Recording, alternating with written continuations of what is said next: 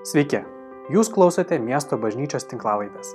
Pamokslas, kurį netrukus išgirsite, buvo įrašytas sekmadienio pamaldų metu. Meldžiame Dievo, kad Jis kalbėtų jums per šį pamokslą. Su naujais metais. Labas rytas. Jūs atrodot nepabudę.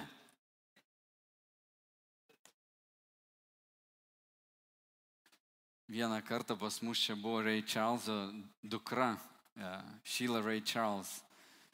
Ir jinai taip garsiai sakė Amen nuolat per pamokslą, kad visa bažnyčia pradėjo galvoti, kad aš geras pamokslininkas. Ir taip į pabaigą pamokslą net visi lietuviai pradėjo ploti. Galvoju, wow, va taip mums porą tokių gerų, juodavodžių, energingų. Uh, kad pradėtume mes irgi gyventi taip um, tikėjimu. Nes tai yra reikšminga, iš tikrųjų, ko mes tikim, taip mes mastom, taip mes elgiamės. Ir Dievas yra be galo, be galo geras mums. Dievas yra geras tau.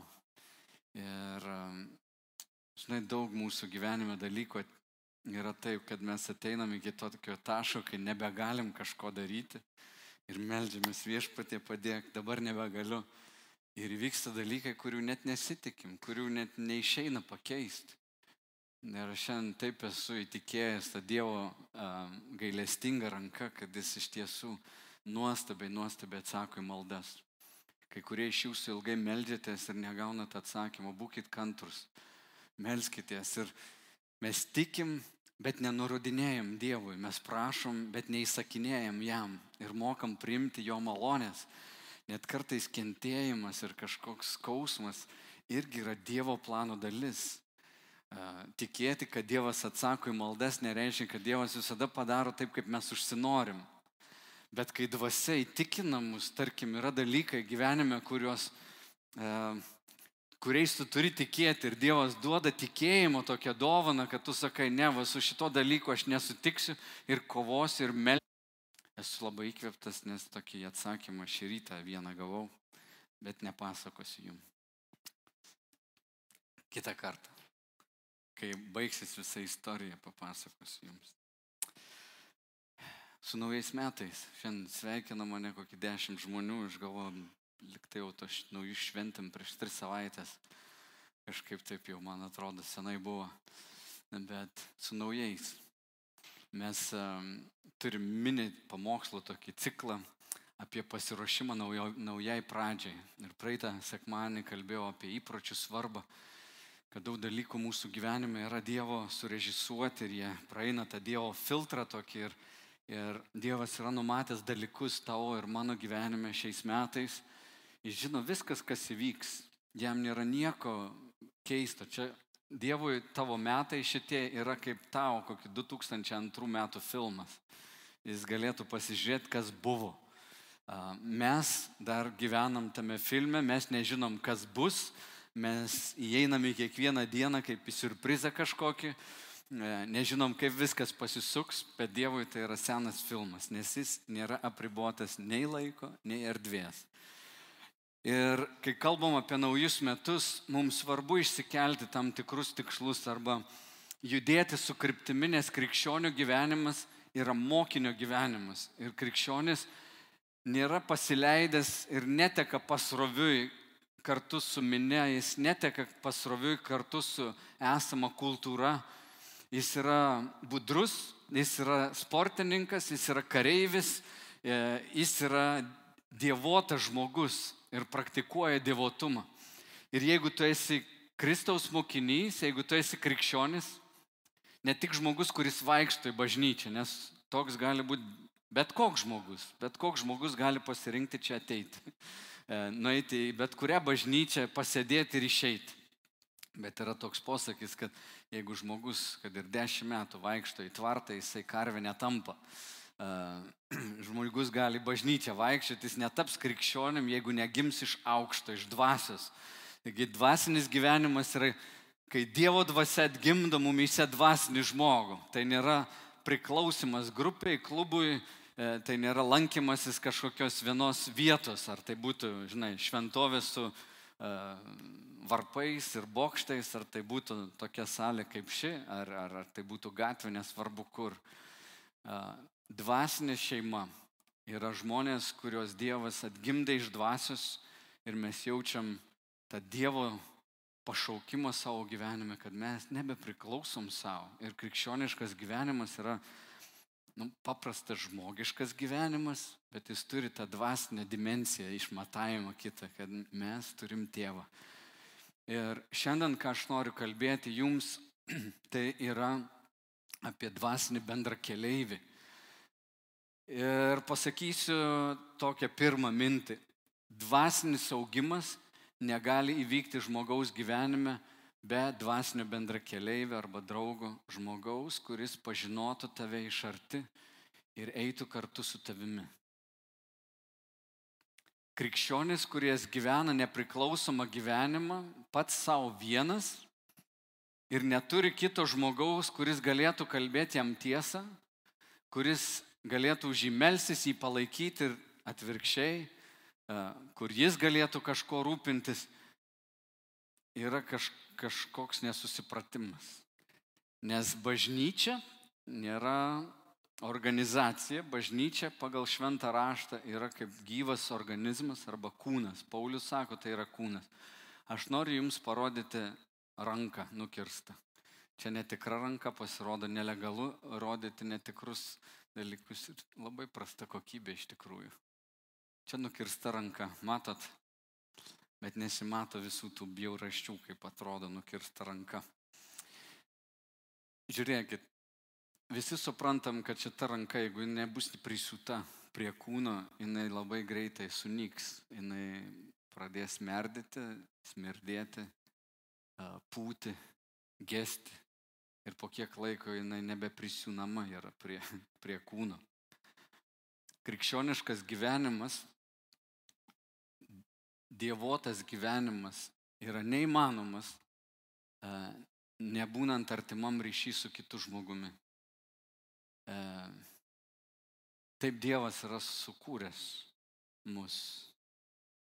E, mes turime turėti savo gyvenime tiekmę. Kraujas turi atitekėti iki mūsų. Mes esame sujungti su kitais. Ranka pati iš savęs yra negali net savo originalios tos pirminės funkcijos atlikti. Jai reikalinga va, likusi rankos dalis, jai reikalingas petys, jai reikalinga širdis, jai reikalingos smegenys, kad galėtų veikti. Ir tai yra tam tikra tokia paslaptis ir, ir, ir, ir, ir va, bažnyčia yra paslaptis.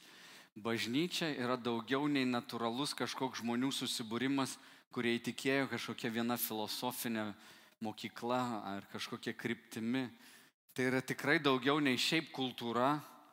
Bažnyčia yra gilios dvasinės jungtis tarp žmonių ir Dievas pats gyvena toje bažnyčioje. Viena gražiausių knygų apie dvasinį gyvenimą yra parašyta Luteronų kunigo Dietricho Bonhoferio, vadinasi gyvenimas kartu. Štai ką jis sako apie bažnyčią. Bažnyčios bendruomenė tai ne filosofinė ar teologinė minties sistema, bet Dievo paskutinis savęs apreiškimas, jog jis pats yra bendruomenėje esantis Kristus. Mes čia susirinkę, žiūrėkit, natūraliai mastant, tai yra kėdės, žmonės, kažkas kalba, mes kartu gėdam, bet tikrovė yra, kad Dievas savo dvasia irgi dalyvauja čia. Čia, kai mes susirenkam kartu, įvyksta atsivertimai, įvyksta atgimimai, įvyksta išgydymai. Mes esam čia sus, susijungti. Ir ten, kur atsiranda tikros tokios artimos jungtis, draugystės, jos turi dvasinį elementą. Tai ne tik simpatijų arba tokių gražių žmonių susibūrimų draugija, bet yra dvasiniai tikslai, kuriuos Dievas turi tau ir man ir žmogus negali būti atsiskyręs. Jis negali savo gyvenime judėti vienas.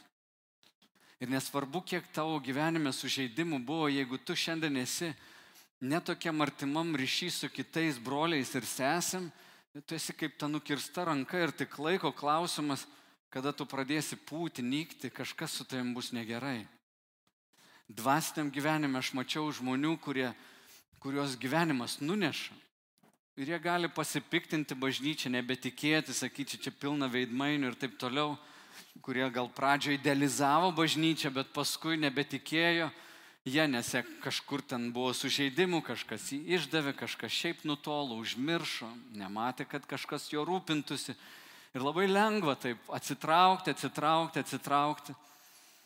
Ir kaip Sijas Luisas yra pasakęs žmogus, kurio širdis buvo sudaužyta, jeigu jisai nusprendžia, kad nebenori daugiau tokios patirties ir sako, jis paima savo širdį ir saugiai uždaro į tą dėžutę. Sako, taip, ta širdis daugiau nebus sudaužyta, ji nebus daugiau sutripta, nebus sužeista, bet būdama toj dėžutėje, būdama tame uh, uždarame inde, jinai pradės pati mirti, jinai pasidarys nebejautri, po kiek laiko, aš jau perfrazuoju jį, jis gražiau pasakė, bet po kiek laiko jinai bus nebesužeidžiama, bus kieta ir šalta. Ir va to mes turim pasisaugoti. Taigi vienas iš įpročių tikėjime, dvasiniai bendruomeniai, turi turėti žmonių, kurie yra nepanašus į tave ir kurie, į kurių draugystę arba į tą santyki tu turi nuolat sąmoningai eiti ir judėti. Žiūrėkit, apaštalas Paulius, rašydamas laišką kolosų bažnyčiai, parašė tokius žodžius apie savo tarnystę. Jis sako, mes jį, Kristus, kelbėme, įspėdami kiekvieną žmogų ir mokydami kiekvieną žmogų su visokiojopa išmintimi, kad kiekvieną žmogų padarytume tobulą Kristuje. Dėl to aš ir darbuojos, grumdamasis jos suteikta jėga, kuri galingai veikia manyje. Apaštalas Paulius įvardyja savo tikslą. Jo gyvenimo tikslas dėl bažnyčios, jo tarnavimo tikslas yra padaryti kiekvieną žmogų tobulą Kristuje. Kaip tai atrodo? Supraskim, kad tas žodis tobulas nereiškia žmogus, kuris ne, ne, neklysta. Tobulas telijos, graikų kalbos žodis, reiškia užbaigtas, atvestas iki savo uh, suplanuoto to tokio dizaino, ar ne iki galo. Tarkim, va šitas stovas, kažkas nupiešė tą stovą, kažkas padarė jo dizainą, pradžioje tai gimė prote, paskui ant popieriaus, o paskui buvo sugalvotas planas, kaip tai gyvendinti. Galima būtų sakyti, šitas stovas yra tobulas. Kokį jį suplanavo, toks jis ir tapo.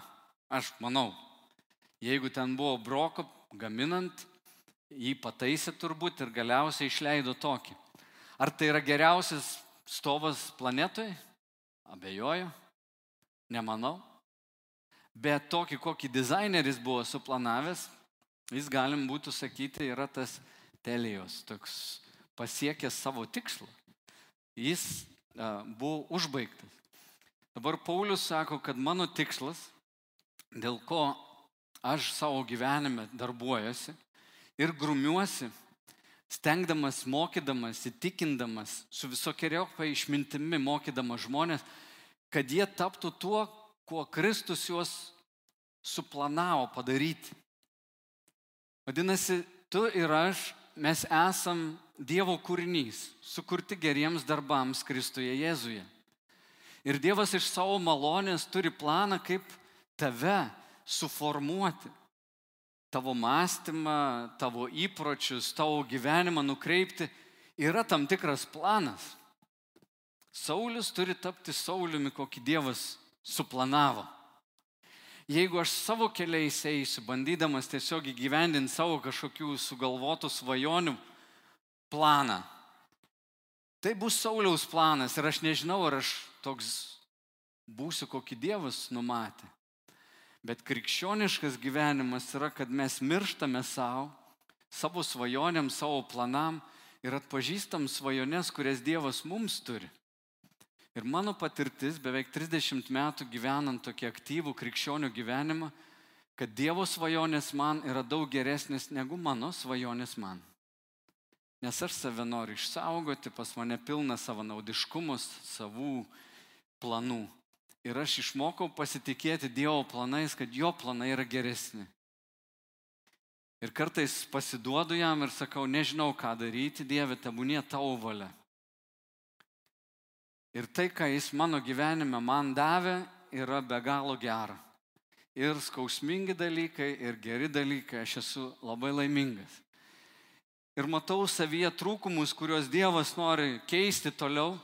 Ir matau, kad tie trūkumai yra apreiškiami manyje geriausiai tik artimam ryšy su kitu žmogumi. Santoka tame yra nuostabus dalykas, kad aš su savo žmona galiu daug ką pamatyti savyje. Sana man pasako, kas aš iš tikrųjų esu. Jūs matot mane kartais tik gal ant scenos ar kažkur viešai kalbant, uh, ne su visais aš turiu ryšį tokį artimą, bet Sana mane mato. Yra kiti broliai sesės, kurie mato mane iš arčiau. Ir aš iš tikrųjų pats savęs net negaliu matyti. Mano akis nemato manęs tinkamai. Aš matau savo vidinį tą pokalbį, seku, kas vyksta mano galvoje, bet iš tikrųjų kaip aš elgiuosi, kas aš esu, mato artimi žmonės. Ir Dievas yra taip suplanavęs, kad aš nejudėčiau į priekį arba nebūčiau perkeistas be kitų žmonių. Taip žmonės apskritai yra sukurti ir ar jie būtų tikintis ar netikintis, žmogus Ir neuromokslas sako mums, yra sukurtas taip, kad žmogus negali būti nei naudingas, nei produktyvus, nei laimingas, jeigu nėra pažintas pilnai, priimtas kito žmogaus pilnai, palaikomas kito žmogaus.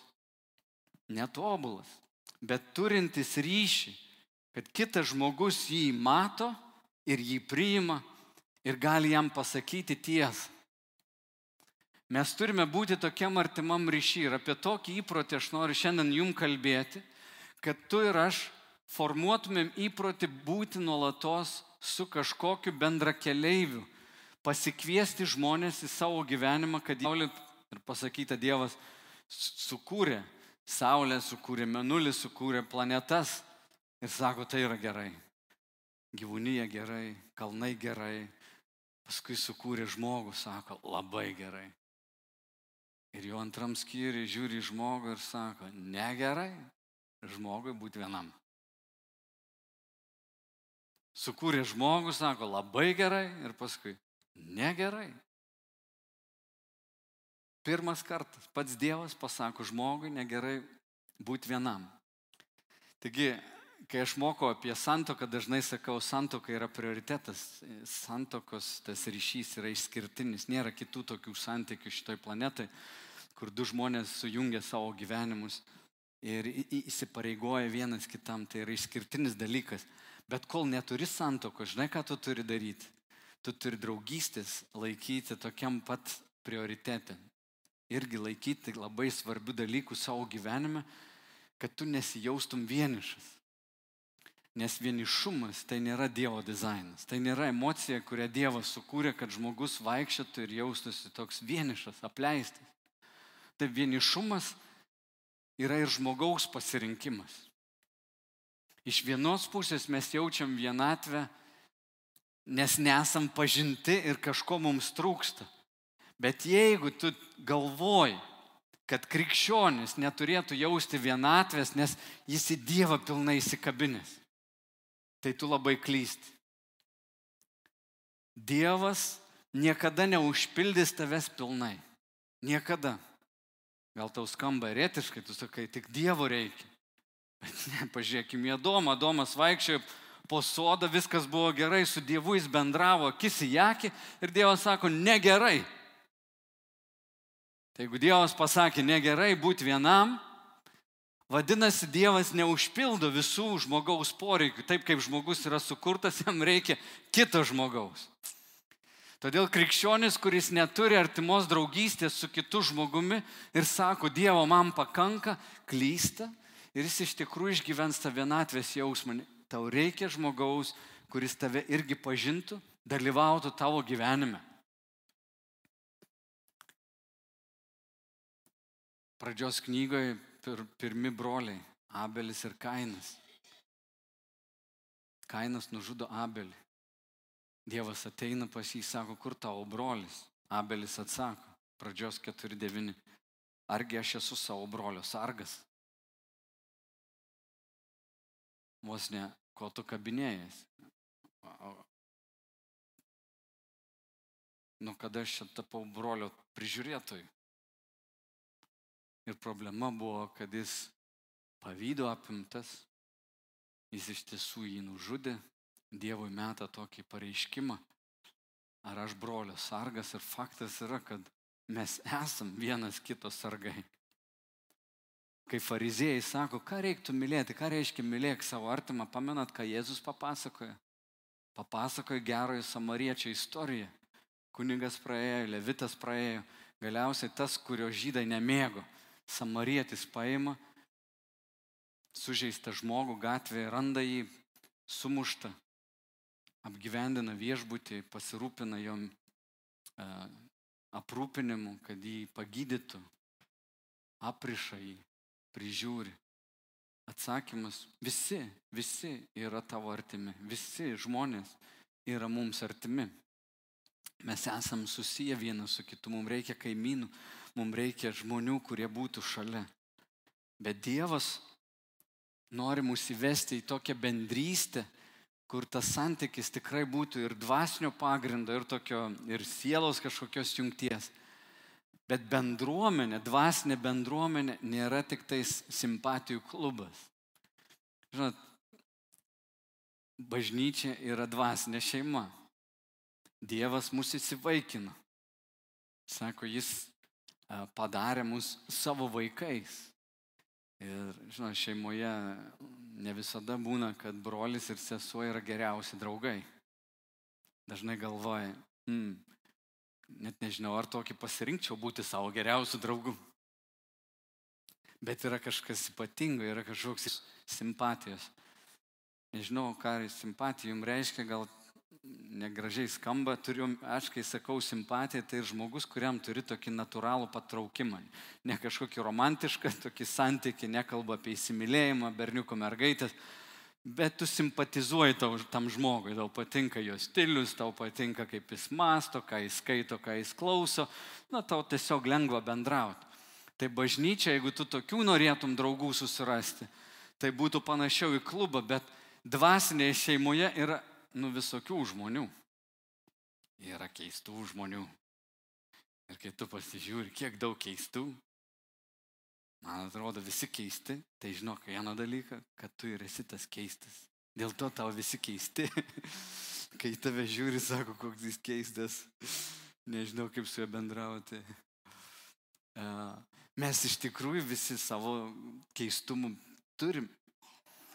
Ir įeiti į tą santyki tokį natūraliai, galim iki tam tikros ribos, bet paskui mano pastebėjimas yra, kad dvasinė bendruomenė ir skiriasi tom, kad žmonės gali užmėgsti santyki ir labai gilų, net su žmonėmis, kurie nėra panašus juos. Mano patirtis, tris metus dirbant tokiam krikščioniškam teatre Vokietijoje, mes suvažiuodavom vasarą ir žiemą visos komandos iš Europos ir mus ten kas pusę metų paskirstydavo, kur mes važiuosim toliau, į kokią, į kokią šalį. Tai reiškia, kad penkis mėnesius tu praleisi su žmonėmis, kurių anksčiau nepažinojai. Tai reiškia, kad vadovas už tave nusprendžia, kiek tu realiai mėgi, kur tu važiuoji, kaip, kaip ten viskas vyks. Būdavo, kad penktadienį galvoja, oh, pailsėsiu šeštadienį ir sako, ne, gavom dabar tokį užsakymą, dabar bus spektaklis, reikia išmokti žodžius, tai ten kali per visą šeštadienį, visą savaitgalį. Žodžiu, jie nusprendžia labai daug dalykų, daug įtampų visokių. Mes buvom patys ir režisuodavom, ir, ir pardavinėdavom savo tos spektaklius, ir, e, žodžiu, daug visokių komplikuotų tokių procesų reikėdavo atlikti. Ir tas gyvenimas buvo toks truputį kaip armijoje. Tu nuolat keliauji mašinai, visur būni, apsigyveni viešbutį, pa žmonės, žodžiu, nu, iš proto vedantis dalykas. Pirmą pusmetį aš net verkdavau, Anglijoje buvau, man ten buvau apsiverkęs keletą kartų, galvoju, negaliu pakelti tokios įtampos. Bet žinau, ką pastebėjau, kad būdavo žmonės vasarą, va, Vokietijoje mes susirinkam ir sakom, nu kur norėtum važiuoti, ir tu galėdavai pasakyti, noriu čia kažkokią Europos šalį važiuoti Bet realiai tu negalėdavai pasakyti, su kuo važiuosi. O kiti ateidavo ir prašydavo vadovo, leiskit man su juo važiuoti, mes tokie faini draugai. Ir kai juos išleisdavo, jie tokie faini būdavo, jie grįždavo visą laiką susipykę. Kažkokia tragedija. Jie, kol ten viskas faina vasara kažkaip jiems taip, u, gerai. Beveik nuolat grįždavo, nebenori net bendrauti vienas su kitu. O kartais tu išvažiuoji tenais pusmečių, galvojau, Dieve mano, nesu tais, tik nesu tuo žmogumi. Ir paskui tu pradedi juos kitaip matyti, atpažįsti, kad ten kokie turtai, kokie, koks grožis, vat kokia istorija jo gyvenime. Ir aš supratau, kad bažnyčia yra tuo unikali, dėl to man jinai yra toks Dievo šedevras, kad jis keiščiausius žmonės surenka ir tie žmonės turi bendrą tikslą pažinti tėvą, pažinti jo meilę, yra tos meilės perkeičiami. Ir kai žmonės, kurie net nesimpatizuoja vienas kitam, pradeda draugauti, kažkaip artimiau bendrauti, tai yra be galo, be galo brangu. Iš tikrųjų tai yra didelė dovana. Štai dar ką pastebėjau. Ir čia jau keletą taip savaičių vis bendrauju su žmonėmis. Pastebėjau tokį dalyką, kad draugystės, ypač senos draugystės, mums dažnai tampa pačios brangiausios. Kartais stebiu, žmonės sako, kad prieš ten tiek ir tiek metų aš buvau studentas ir mano geriausi draugai, va, jie buvo. Tai labai suprantama, tu nuolat mokėsi, ten mėgoji bendrabutai kartu, į paskaitas vaikščiai, vaikų nebuvo, darbų kažkokių nebuvo, įtampų tam tikrų nebuvo, susidraugauja ar su mokyklos ten klasiokai savo, ar su, su kurso ten draugais. Ir kartais tos draugystės jos tokios brangios, o paskui gyvenimas išskaido. Visi nauji draugai yra nauji draugai. O seni draugai, kada jau prabėga ten 20 metų, tu galvo, čia yra brangu. Ar jums tai būna? Sutinki draugo, 10 metų nematęs, bet kažkada buvo artimas ir tu jauti tokį puf, ryšį ir tau, wow, o kaip pasilgau, kažkas buvo, kažkoks kelias nueitas. Tai yra nuostabi dovana, kai turi senų draugų, su kuriais dar gali palaikyti ryšį ir tu susėdi ir galėtum kalbėti kaip apie senas karo istorijas. Apameni, kai tas buvo, apameni, o kur tas dingo, kur kaip čia. Ir tu gali kalbėti ir kalbėti, pilna širdis to. Su nauju draugu taip nepakalbėsi. Ir problemą aš pastebėjau tokią. Tai iš tikrųjų yra iššūkis. Jeigu tu nuolat žiūrėsi tik į senas draugystės ir jas lyginsi, tu gali apskritai net nebesusikurti įpročio statyti naujas draugystės. Užmėgsti naujas draugystės. Ir kai kurie žmonės sulaukia 40-50 metų yra gan vieniši. Visos jų draugystės buvo kažkur ten, bet laikui bėgant, jeigu jie to įpročio nuolat nepalaiko, nuolat neina į tą santyki, tų draugyšių tik mažėja. O Dievas yra sukūręs žmogų santykiui. Vadinasi, tau ir man būtina nuolat turėti įprotį kurti naujas draugystės. Ar tu gali turėti 130 draugų? Nu ne. Tiek pažįstamų gali turėti. Aš turiu per 3000 draugų e, Facebook'e. Tik kai susitinkam, žinai, taip, labas, žmogus sako, mes draugai Facebook'e. Aš taip, jo, draugai, aš tik tavęs nepažįstu. Taip gražiai pavadino, galėjo vadinti pažįstamais, bet vadina draugais. Žinai, pridedi friend. Bet mes ne apie tokius draugus kalbam, tai yra pažįstamų ratas ir nuostabu turėti tiek daug ryšių. Bet labiausiai, ko mums reikia, turėti labai artimą ryšį. O artimas ryšys visada ateis per riziką tapti pažeidžiamu. Rizika tapti pažeidžiamu. Į kiekvieną draugystę, į kiekvieną santyki tu įeini be jokių garantijų. Tu neturi garantijos, kad viskas bus puiku, kad tavęs neižeis, kad tavęs nepamirš, kad tavęs neiškeisi kitą visos tos rizikos yra ten. Bet krikščionis įeina į tą santykį suvokdami, kad mes atsinešam visą savo praeitie šlamštą, kad mes turim trūkumų, bet yra Dievas, kuris yra tarp mūsų su mumis. Ir jo meilė yra mūsų gydantis eliksyras. Jo meilė yra tai, kas mus atgaivina, atnaujina. Ir mes esame mokinami dvasios atleisti, pamiršti ir vėl eiti dar gilesnį santykį. Ir pačios giliausios draugystės bus tos, kurios praėjo pačias didžiausias krizės. Kaip romantiniam filme. Geriausias romantinis filmas yra tas, kur draugystė buvo tokia stipri, bet paskui jinai taip nučiažė į žemę, kad taip viskas sudužo, kad tik tokia kulminacija yra didelė, nes kažkur buvo didelė tokia atskirtis, kažkur įvyko krizė. Žmonės įsimylėjo, bet paskui puh, kažkas juos atskyrė ir vėl jie sueina ir tada visi švenčiam, kad jie įveikė krizę ir toliau laimingai gyveno. Kaip ten ta eilutė yra? Ilgai ir laimingai gyveno. Ir krikščioniškas gyvenimas yra ilgai ir laimingai, tik ne kažkaip su rožiniais sakiniais.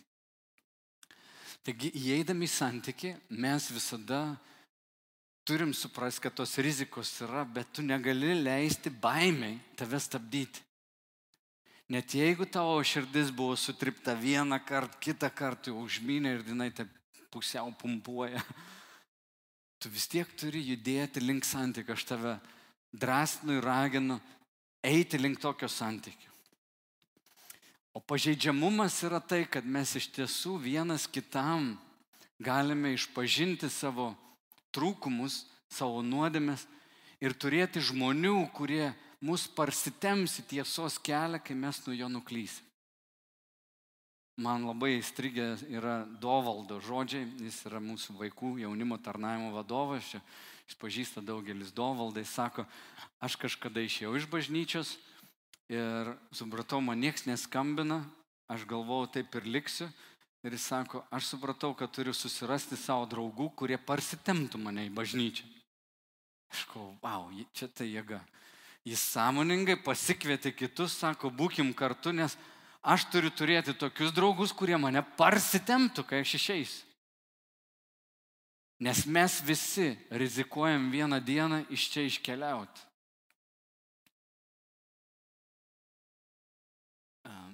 Bus dienų, kada tu ir aš, mes nenorėsim sekti Kristumi, bus dienų, kada mes patys kalbėsim nesąmonės, patys sužeisim, patys atsiskirsim. Turim turėti tokių, kurie mus parsitemtų.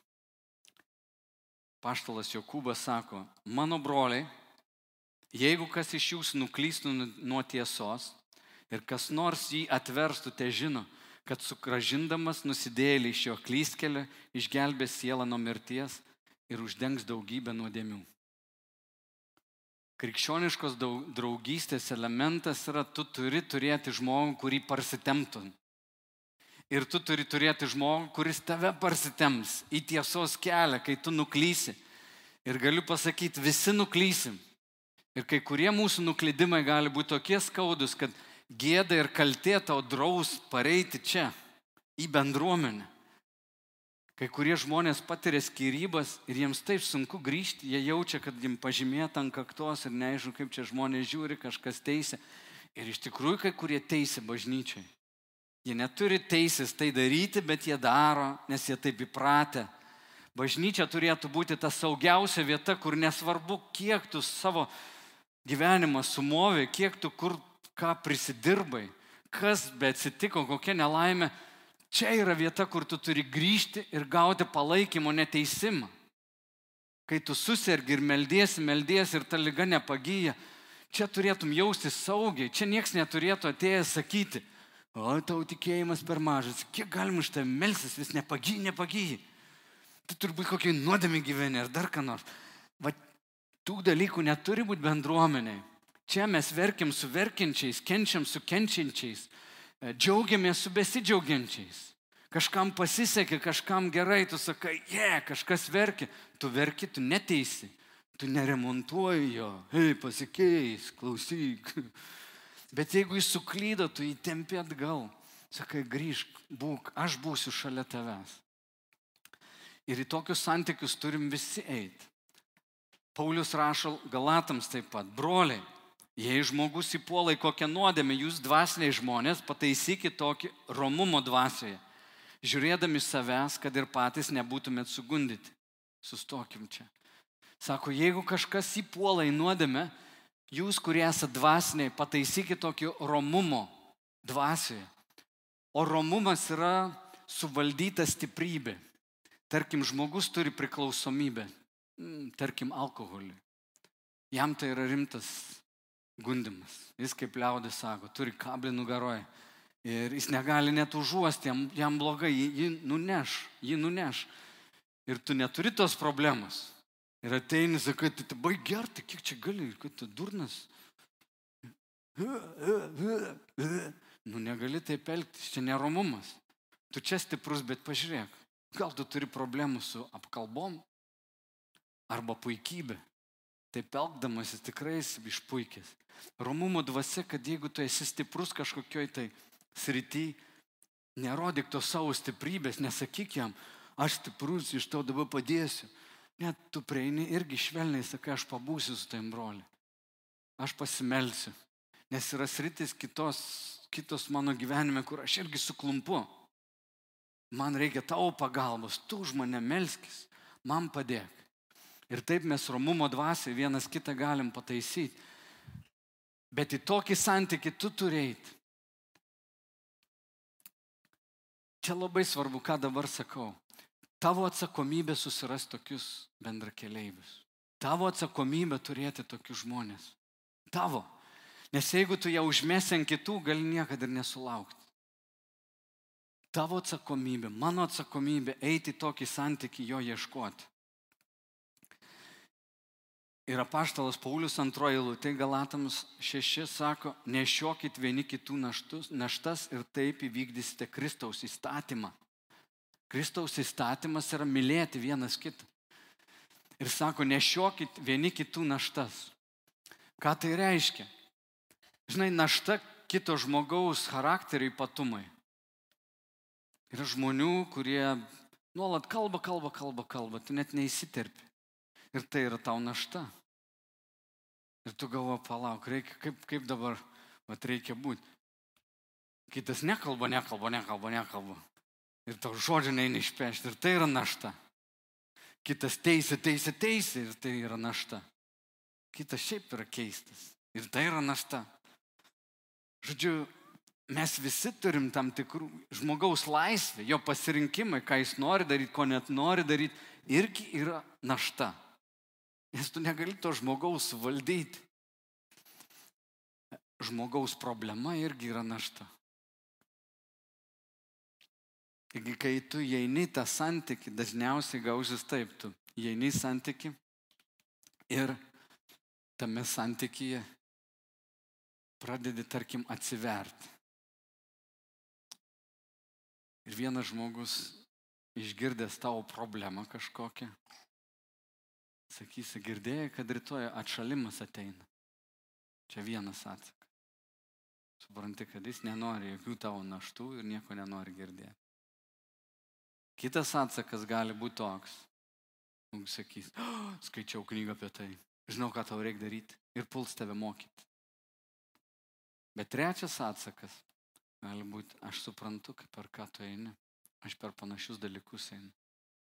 Ir vas tokiu žmogum tau reikia bendrauti. Jis yra pasiruošęs panešti tavo naštą. Argi nėra taip, kad mes visi iš tikrųjų ilgimės tokių draugyščių ir sakom, kaip būtų faina, jeigu galėčiau su kažkuo būti ir manęs neteistų, nesmerktų, bet ir pažinotų, ne tik gražiasias pusės, Ne taip, kaip pirmi du mėnesiai pasimatymus vaikščiant. Kaip pasikvėpini, nusiprausi, žinai, ateini ir... Vy, esi toks fainas, fainas. Bet kai tau blogai, kai tu neturi nuotaikos, iš tikrųjų net nenori to žmogaus matyti. Ir jis tave gali priimti su tavo depresija kažkokia, melancholija, nenori bendrauti. Ir jis gali tai pakęsti. Ir jis gali iškesti va tą sunkumą arba pavydą. Kiti yra pavydų žmonės. Žinai, va, o tu esi santykė ir tas žmogus, matai, kaip jis gali panešti tavo naštą. Apie tokius santykius visi galvojam ir iš tikrųjų apie tai knygos rašomas, filmai kuriami. Štai ką mes bažnyčiai norim daryti ir padrasinti. Bažnyčiose vienai par kitaip egzistuoja draugystės ir yra mažos grupelės, Biblijos, grupė, Biblijos studijų grupelės, dar kažkokių susirinkimai. Mes dabar bažnyčios čia vyresnieji, e, kai kurie lyderiai, padarėm tokį eksperimentą, jau metai laiko turim susirinkimus ir jūs kai kurie girdėjote apie tai, vadinam tai triadomis. Triada žodis reiškia tiesiog trijulė. Tai yra trijų žmonių susibūrimas. Mano draugas Matthew Eckert, pastorius iš Kanados, kuris čia yra keletą kartų pamokšlavęs ir vėl gegužės mėnesį atvažiuos pas mus į svečius. Aš ten esu kelis kartus jau buvęs ir pamokšlavęs jų bažnyčioje Kanadoje. Jis tai 25 metus daro tai. Ir štai ką jis daro. Jis pasiema du vyrus, pasikviečia juos į tokį, tokią trijulę, triadą.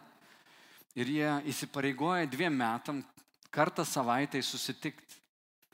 E, su tokiu tikslu palydėti vienas kitą. Ta triada yra, nėra e, tokia piramidė, kur mes jų būti tenais vadovas, o jie čia kaip pavaldiniai.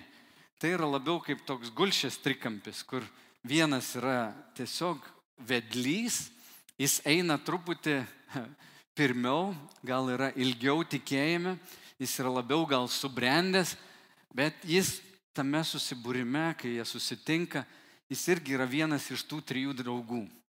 Jis nėra vadovas, jis nėra lyderis ta prasme, kad jis kažkaip tai visiškai neštų atsakomybę už juos. Jie neša atsakomybę vienas už kitą. Ir mes vat metai laiko taip pabandėm, mano triado yra Kestutis, kuris čia gėdoja, ir Jonas Petrikas. Mes, mes daug laiko prieš tai neleisdavom kartu. Mes dabar susitinkam ir įsipareigojam, kad du metus susitikinėsim, dar metus susitikinėsim, o paskui pakviesim kitus žmonės į savo gyvenimą ir toliau judėsim. Ir mes norim paraginti, kad kiekvienas bažnyčia jūs turėtume tokią triadą. Visų pirma, bažnyčios nariams. Mes bažnyčios nariai ir jeigu jūs čia svečiuojatės, nežinot gal, kad miesto bažnyčia yra narystė, kuri galioja metus laiko. Dabar vat, vasario pirmą dieną turėsim vėl šventę, agapę šventę, vadinam tokią mūsų šeimos šventę, kur, kur atnaujinsim narystę. O narystė mūsų yra, kad mes įsipareigojam triem dalykam per metus laiko. Pirma, praktikuoti dvasinės disciplinas, tai yra ir malda, žodžio skaitimą, tarnystę, šlovinimą, pasniką. Mes praktikuojam tos dalykus kiekvieną dieną. Antra, mes įsipareigojam statyti šitą bažnyčią, miesto bažnyčią savo laiku, savo tarnavimu, savo talentais, savo pinigais, finansiškai remti, išlaikyti šitą bendruomenę, jinai yra išlaikoma iš aukų, kurias vat, surinkam. Ir trečias dalykas - gyventi šventai. Ir jeigu mes suklumpam, ieškoti pagalbos pas brolius. Tai jeigu kažkur aš suklystu, aš turiu turėti kitą žmogų, kuris mane parsitemtų. Ir narystę mes įvedėm prieš tris metus, dabar vat, ketvirti metai prasidės. Tai tos triados vat, visiems bažnyčios nariams noriu pasakyti, tai yra, ką mes jau daug kas ir darom, turbūt daug metų.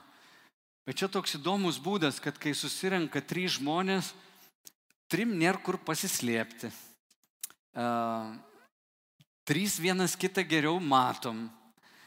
Galim turėti daugiau laiko pasisakyti.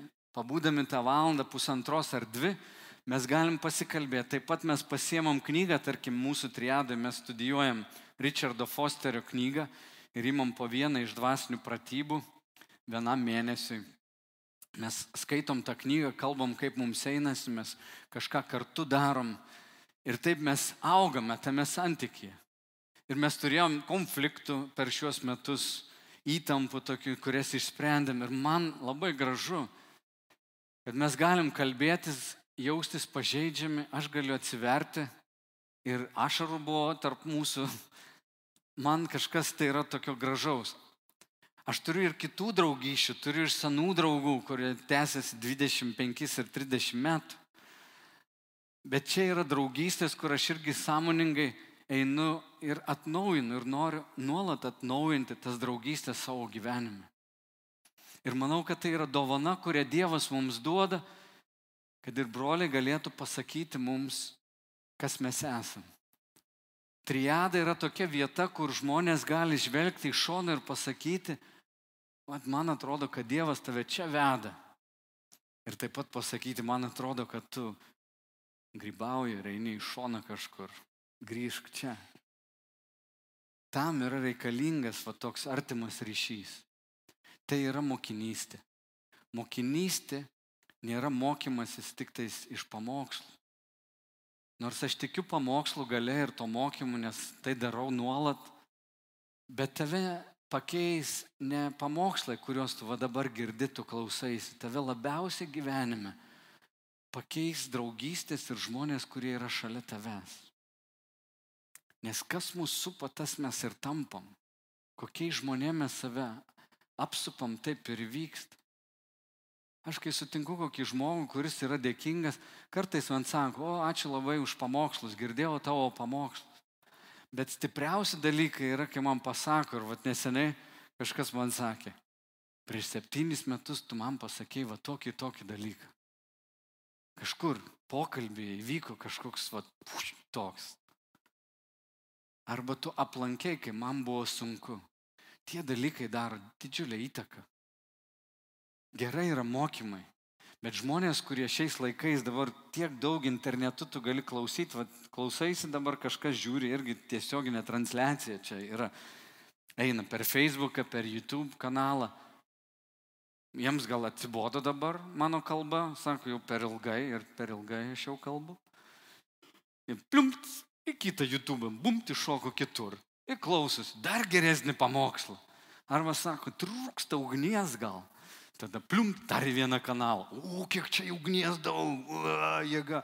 Žodžiu, ką nori pasirinkti. Ta, ta ar ta. Kokią nori denominaciją, gali prisižiūrėti, jeigu moki rusų ar kokią anglų kalbą. Visas, žinai, tau švediškas stalas. Bet ko tau reikia? Tau reikia žmogaus, kuris, kuriam tu suteiksi teisę kalbėti tiesą tau. Tai tave keis kad nebūtum ta nukirsta ranka. Bendruomeniai tu turi turėti žmonės, kuriems tu suteiki teisę ir sakai, noriu, kad tu kalbėtum tiesą su meilė, noriu, kad tu dalyvautum. Ir aš noriu jūs paraginti per, šitos, per šį mėnesį um, pradėti mąstyti apie žmonės, gal kuriuos norėtum pasikviesti. Kai kurie iš jūsų turėtumėt būti tie vedliai. Jūs jau tikėjime esate seniau. Nežinau, tai dar negarantija, kad tu esi subrendęs labiau.